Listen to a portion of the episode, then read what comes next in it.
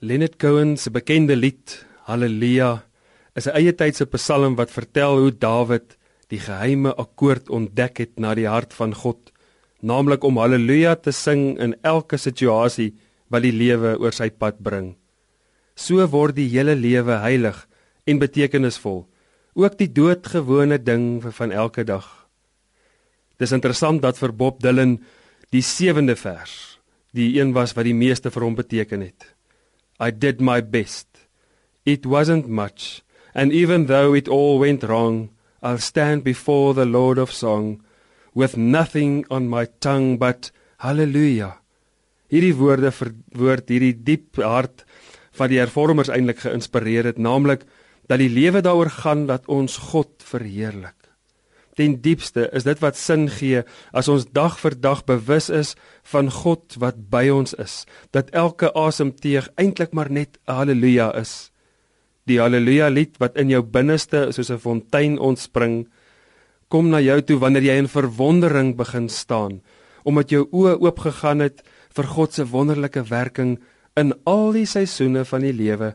God is teenwoordig in die lente en in die somer van ons lewens maar ook net so in die herfs en in die winter. In elke seisoen is God se werk in ons lewegewend en vernuwend en inspirerend. Dit is dus geen wonder dat hierdie haleluja lied gebruik is by begrafnisse, by huwelike, in films so Shrek, in betekenisvolle oorgange van die lewe en ook in kerke. Haleluja hoort by elke okasie van die lewe. Karen Zoid het byvoorbeeld 'n aangrypende video waar sy hierdie lied sing terwyl 'n groep mense wat deur die kankerstryd gaan in koringlande staan en ballonne laat gaan. Hoe doen ons dit? Hoe kry ek dit reg om haleluja te sing te midde van alles wat stikkend is en wat mooi is?